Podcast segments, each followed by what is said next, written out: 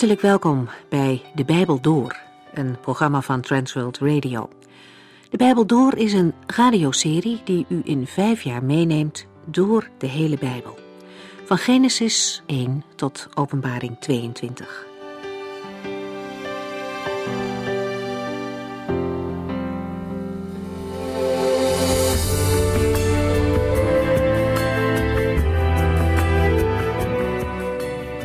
Vorige keer begonnen we met het Bijbelboek Jozua. Die naam die betekent de Heere redt. En dat is ook eigenlijk precies wie Jozua is.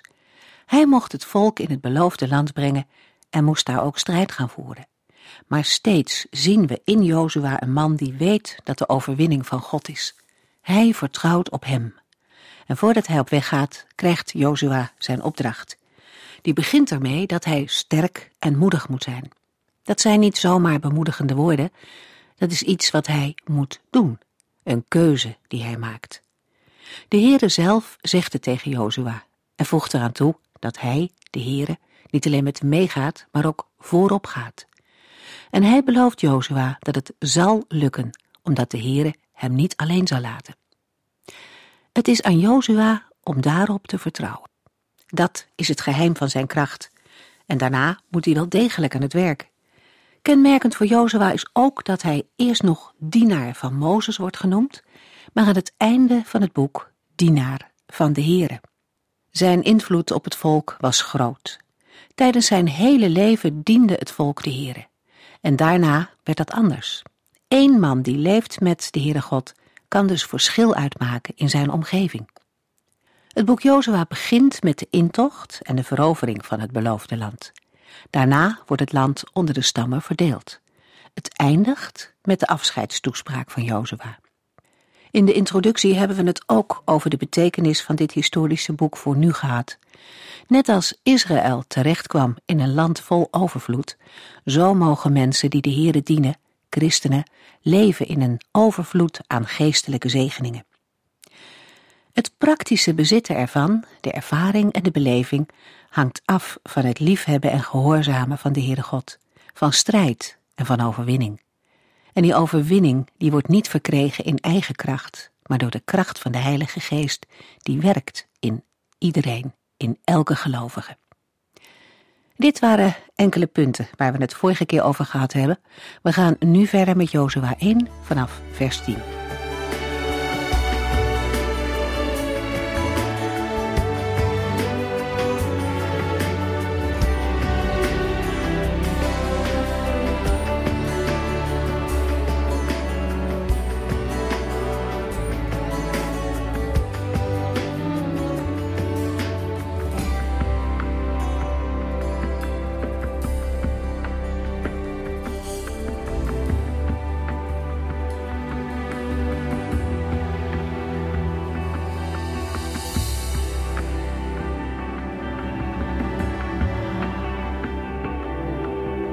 Vorige uitzending hebben we gelezen dat de Heer Jozua de opdracht heeft gegeven: Leid mijn volk over de Jordaan het beloofde land binnen.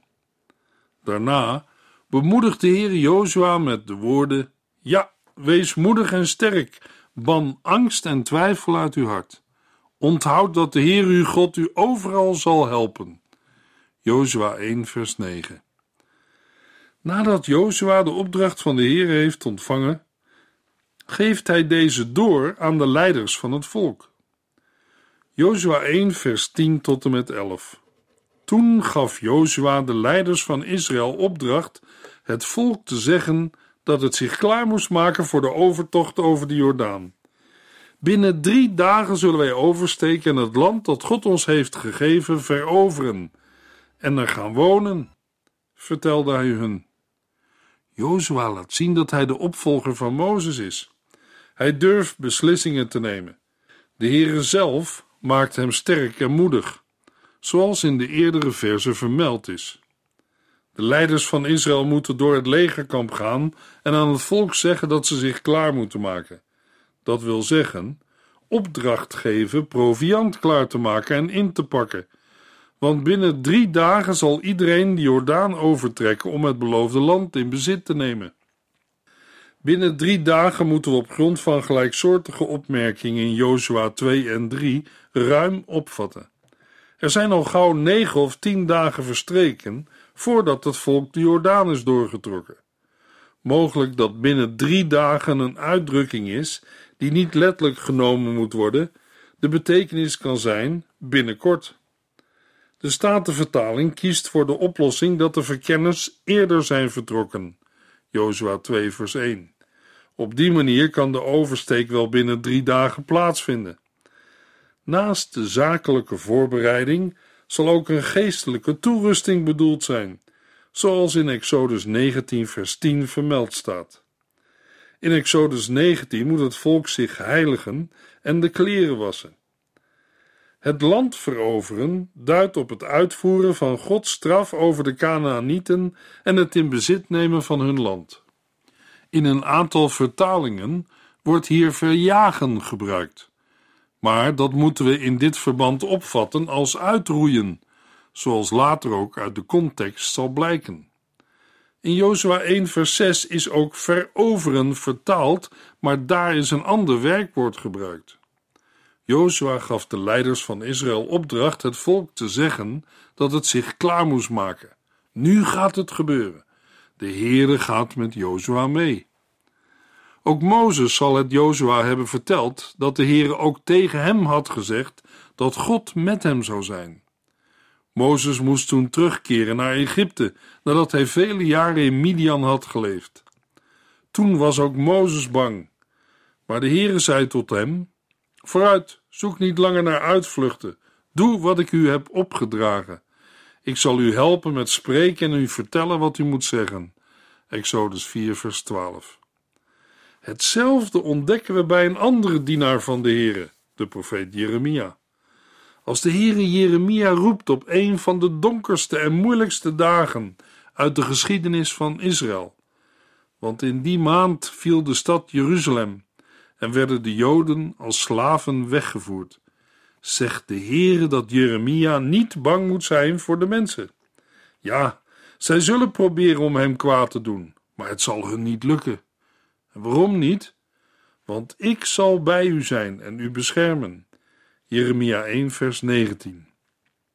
En vandaag? Ook wij hebben de moed en de overtuiging nodig waarover Hebreeën 13, vers 6 spreekt. De Heere helpt mij. Daarom hoef ik niet bang te zijn voor wat een mens mij kan aandoen. Een citaat uit Psalm 118, vers 6. Jozua geloofde in God. De Heere bemoedigde hem en zei tegen hem moedig door te gaan. Het woord van de Heere was zijn leidraad. Hij moest het er niet alleen over hebben en aan de orde stellen, Jozua moest erover nadenken en het laten zien. En dat, luisteraar, is vandaag nog steeds zo. Het over het woord van God hebben is prachtig en mooi maar uit onze daden zal blijken of wij de Heere werkelijk hebben gehoord, verstaan en begrepen. De leiders van het volk moesten doorgeven: wij gaan het veroveren, maar wij gaan er ook wonen. Jozua 1, vers 12. Toen riep hij de leiders van de stammen Ruben, Gad en Manasse bij zich en herinnerde hen aan de opdracht die Mozes had gegeven. Jozua spreekt de genoemde stammen toe. Hij herinnert hen aan de opdracht die Mozes had gegeven. Zij mogen al wonen in het overjordaanse en hebben nu al rust. Maar de strijdbare mannen moeten wel meedoen om het totale land Canaan te veroveren, en wel in de voorhoede. Wanneer dan hun broeders, de leden van de andere stammen, het land in bezit genomen hebben en rusten, dan mogen zij terugkeren naar het land ten oosten van de Jordaan, het gebied dat Mozes hun heeft gegeven. Jozua 1, vers 13 tot en met 15. De Heer uw God geeft u rust in uw eigen land aan deze zijde van de Jordaan. Daarom mogen uw vrouwen, kinderen en het vee hier blijven. Maar uw troepen moeten volledig bewapend de andere stammen over de Jordaan leiden en hen helpen het land aan de overzijde van de rivier te veroveren. Blijf bij hen tot de verovering is voltooid en uw broeders zich ook in alle rust kunnen vestigen. De overzijde van de Jordaan is een uitdrukking die zowel op de oost- als op de westzijde betrekking kan hebben. Daarom wordt soms een verduidelijking gebruikt, zoals in Jozua 1 vers 15, oostzijde, en Jozua 5 vers 1, ten westen. Omdat hier het gebied bedoeld is waar Jozua en de stammen zich bevinden, is de vertaling over de Jordaan de juiste. Volledig bewapende troepen zijn strijdbare mannen, volwassen en vrije Israëlieten. Op basis van teksten en afbeeldingen uit die tijd, vooral uit Egypte, is het aannemelijk dat de strijdbare mannen in bezit waren van slingers, pijlenboog, bijlen, messen, speren en schilden. Om hoeveel mannen gaat het hier? Volgens de telling van nummer 26 hebben deze drie stammen 110.580 strijdbare mannen, namelijk van 20 jaar en ouder die in het leger kunnen uittrekken. Volgens Jozua 4 vers 13 zijn er maar ongeveer 40.000 mannen die ten strijde trekken. Vermoedelijk zijn deze 40.000 soldaten keurtroepen en mogen de anderen, ruim 70.000 man, met instemming van Jozua en de andere stammen in het overjordaanse blijven bij de vrouwen, kinderen, het vee en de bezittingen. Het is goed mogelijk dat de soldaten bij toerbeurt gediend hebben gedurende de jarenlange verovering van het beloofde land. De tweeënhalve stam die hun erfdeel in het overjordaanse hadden, waren aan de oostzijde van de rivier gebleven en hadden zich daar gevestigd. Uit nummer 32 weten we hoe dat precies is gegaan. Mozes was toen nog in leven. Toen het volk Israël in het land van Jazer en Gilead aankwam, viel het de stammen van Ruben en Gad op, wat een prachtig land dat voor hun schapen was. Daarom gingen ze naar Mozes, de priester Eleazar en de andere stamleiders en zeiden: Sta ons alstublieft toe dat wij deze streek als ons deel nemen in plaats van het land aan de andere kant van de Jordaan. Mozes ontploft bijna, want hij zegt: Willen jullie hier met de armen over elkaar blijven zitten, terwijl jullie broeders de rivier oversteken en aan de overkant de kastanjes uit het vuur halen? Jullie gaan je vaders achterna. Zij ontmoedigden de Israëlieten zo dat deze het beloofde land niet durfden binnentrekken. Als jullie op deze manier van de Heere afkeren, zal hij het volk nog langer in de woestijn laten blijven. De stammen reageerden dat ze dat helemaal niet bedoelen en zeggen: Wij zelf gaan gewapend met jullie mee aan het hoofd van het leger, totdat jullie veilig bij jullie erfdeel zijn aangekomen.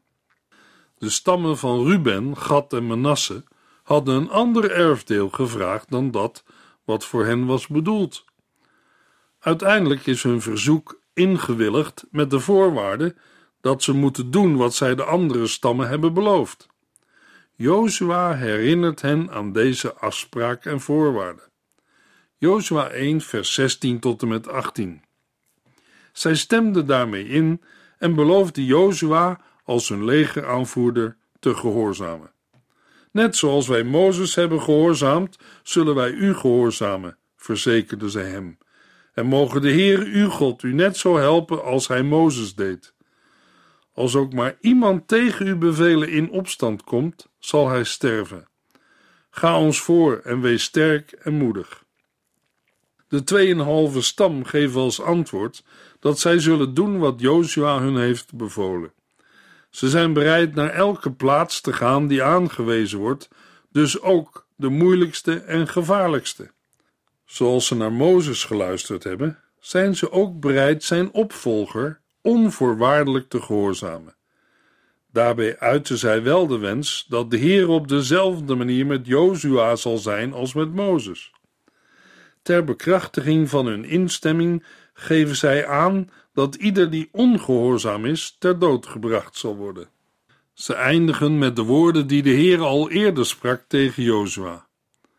Wanneer een aantal jaren later de verovering van Canaan voltooid is, laat Jozua de mannen van de stam Ruben, Gad en Manasse weer teruggaan naar hun gebied. Jozua 22.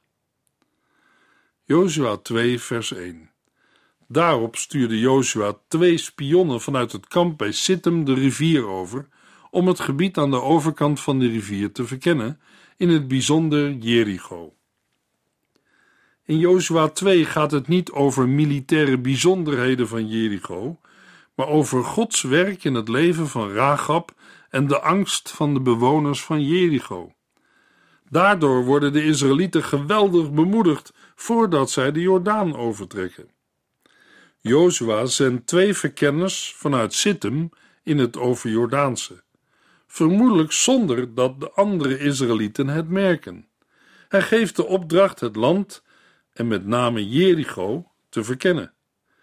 Deze maatregel van Jozua is geen uiting van kleingeloof, maar van zijn bereidheid het beloofde land binnen te trekken.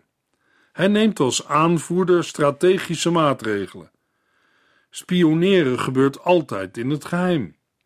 In vers 24 brengen de verkenners regelrecht verslag uit aan Jozua, terwijl in nummer 13 vers 26 het hele volk wordt ingelicht. De globale situatie van het land was Jozua nog bekend vanuit zijn eerdere tocht, nummer 13 en 14. Flavius Josephus geeft aan dat de verkenners keken waar de muren sterk of zwak waren, en welke van de poorten zwak genoeg was voor een doorbraak van het leger. De twee mannen gaan op weg en komen in het huis van Rahab terecht, een herbergierster en publieke vrouw in Jericho. Jericho ligt schuin aan de overkant van de Jordaan en kan gezien worden als een sleutelstad voor centraal Canaan. De stad is met zware muren versterkt en is een knooppunt van handelsroutes. Het bewaakt ook een belangrijke doorwaadbare plaats in de Jordaan en is strategisch van groot belang. De naam Ragab is een West-Semitische naam, afgeleid van een werkwoord dat zich openen, wijd maken, ruimte maken betekent. Vermoedelijk was haar huis een herberg waar vreemdelingen konden eten en overnachten. In zo'n gastenverblijf vallen buitenlanders niet zo erg op. Verder was zo'n onderkomen een goede plaats voor het inwinnen van informatie. Het is opmerkelijk dat Ragab in het Nieuwe Testament wordt genoemd in de lijst van geloofsgetuigen. Hebreeën 11 vers 31. Omdat de hoer Ragab op God vertrouwde, werd zij niet gedood, zoals de andere ongehoorzame inwoners van Jericho want zij had de spionnen van Israël gastvrij ontvangen. Het gaat in Hebreeën 11 om mensen die op verschillende manieren uiting geven van geloof in God en naar dat geloof handelen. Mannen en vrouwen van verschillende leeftijden en uit verschillende lagen van de bevolking. Ze moedigen ook ons aan om te volharden en niet op te geven, maar te blijven geloven in de levende God. Hebreeën 12, vers 1 moedigt ons aan: nu zo'n grote menigte van getuigen ons ziet en aanmoedigt, moeten wij alles afleggen wat ons hindert en ons bevrijden van de zonde die zich aan ons vastklemt. Luisteraar, dat is nog niet alles over Rahab. Wij komen haar naam ook tegen in Matthäus 1, in het geslachtsregister van de Heer Jezus Christus. Vandaag zouden we zeggen: ze staat in het familiealbum van de Heer Jezus. Hoe kwam zij in die lijst terecht? Dat hebben we net in Hebreeën 11 gelezen. Omdat Rahab op God vertrouwde en de spionnen van Israël gastvrij had ontvangen. Rahab geloofde de Heere, de God van Israël, op zijn woord. En het werd ook haar tot gerechtigheid gerekend. De Heer Jezus stierf ook voor haar zonde ze kreeg een plekje in zijn familiealbum en hoort bij zijn volk. De Heer Jezus was immers gekomen om zijn volk te redden van de zonde. Matthäus 1, vers 21. Hij kan en wil en zal in nood, zelfs bij het naderen van de dood, volkomen uitkomst geven. Een regel uit een oude psalm, 68, vers 10. Maar, ook al is het oud, het is ook vandaag nog steeds waar. De Heere zal volkomen uitkomst geven. Twee spionnen worden uitgezonden. Al eerder hadden zij spionnen het land ingestuurd om te zien of Israël het land zou kunnen innemen. Nu worden er weer spionnen uitgezonden, maar niet om na te gaan of Israël het land wel kon innemen, nee, om de beste weg te vinden. Dat is geen daad van ongeloof, maar van vertrouwen en overleg. Dat is een heel andere reden. Jozua 2, vers 2 tot en met 7. De spionnen vertrokken en gingen het huis van Rachel binnen, een prostituee. Zij wilden daar de nacht doorbrengen. Maar iemand lichtte de koning van Jericho in dat twee Israëlieten, vermoedelijk spionnen, die avond waren aangekomen. De koning stuurde mannen naar het huis van Ragab met de eis hen uit te leveren. Het zijn spionnen, legden zij uit. Zij zijn er door hun leiders op uitgestuurd om te ontdekken hoe ze ons het beste kunnen aanvallen. Zij had de mannen echter verborgen en zei tegen de aanvoerder van de groep: Die mannen zijn hier inderdaad geweest, maar ik wist niet waar ze vandaan kwamen. Toen het donker werd, vlak voordat de poorten werden gesloten, hebben zij de stad verlaten, en ik weet niet waar ze naartoe gingen. Als u zich haast, kunt u hen waarschijnlijk nog wel inhalen. In werkelijkheid had zij de mannen naar het dak gebracht en verborgen onder vlasstengels die daar lagen te drogen. De mannen gingen de vermeende vluchtelingen achterna tot aan de Jordaan. De stadspoorten gingen achter hen dicht. De boden van de koning geloven Ragab en doen geen huiszoeking. Ze haasten zich naar de Jordaan, naar de doorwaadbare plaatsen, want daar zullen die spionnen wel naartoe zijn gegaan, in de richting van hun eigen volk. De lezer weet dat de zoektocht te vergeefs is, maar die conclusie staat pas in vers 22. De naam van de Heere wordt niet genoemd, maar het is duidelijk dat hij de regie in handen houdt. Ragab vertelde de dienaar van haar koning een leugen om de twee verspieders te beschermen. Door dat te doen bracht zij haar eigen leven in gevaar. Waarom deed ze dat? Waarom loog ze tegen haar eigen mensen en verdedigde ze de vijand? Voordat ik een antwoord geef op die vraag, is er eerst nog een andere vraag die moet worden beantwoord. Is de actie van Ragab goed te praten? De Bijbel is toch heel duidelijk over het feit dat een kind van God de autoriteiten en zij die over hen heersen moeten gehoorzamen. Romeinen 13. Dat deed Ragab in haar geval niet. Zeker, een gelovige moet zich aan het gezag onderwerpen, want er is geen autoriteit die niet door God is ingesteld. Alle gezag komt van God. Een christen moet gehoorzaam zijn aan de wetten van het land. Maar als de wetten van dat land in tegenspraak zijn met de wetten van de Heere, ja, dan heeft een christen geen keus en zal hij of zij de opdracht van de Heere gehoorzamen. Dat was ook de ervaring en keuze van Petrus en Johannes toen de autoriteiten hen opdroegen over Christus te zwijgen. Handelingen 4, vers 19 en 20. Maar Petrus en Johannes antwoorden: Wat vindt u? Is het juist dat wij u in plaats van God gehoorzamen? Wij kunnen gewoon niet zwijgen over wat wij hebben gezien en gehoord.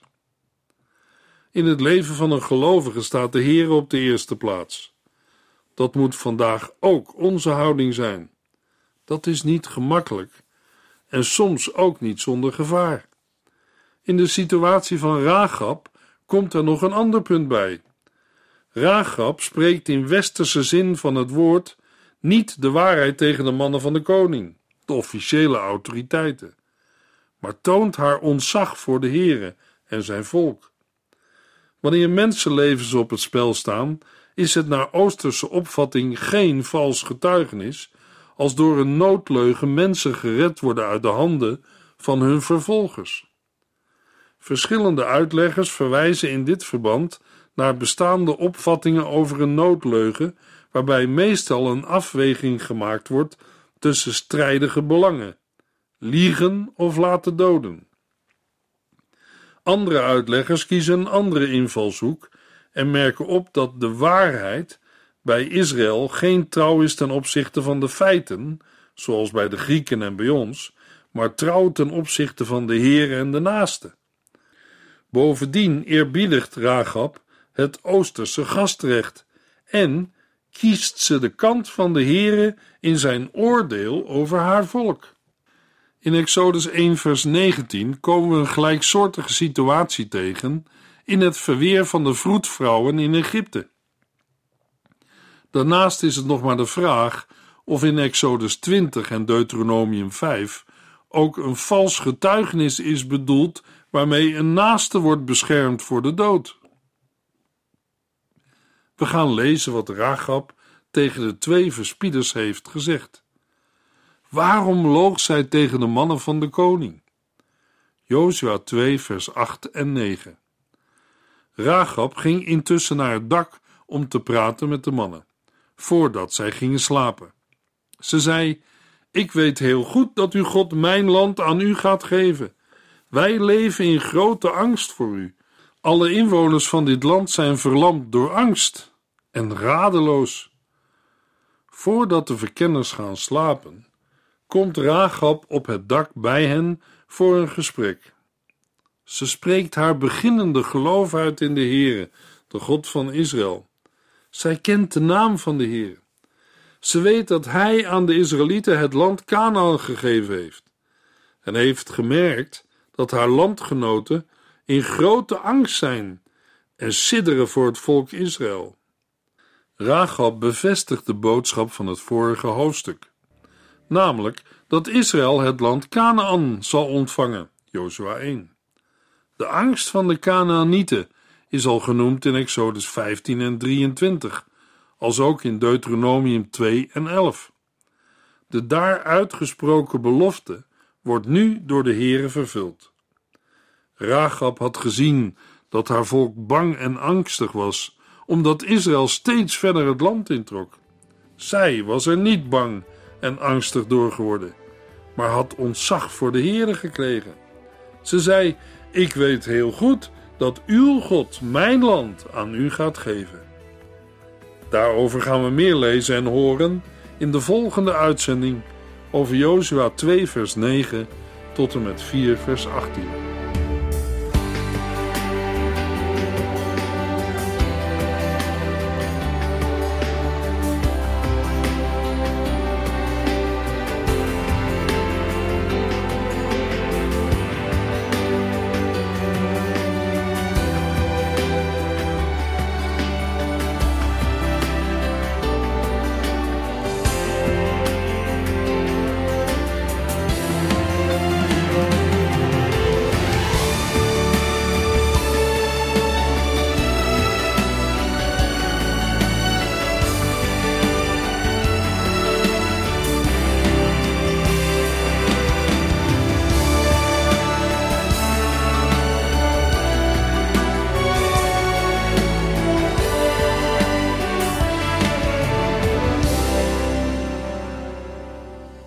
Geluisterd naar De Bijbel Door.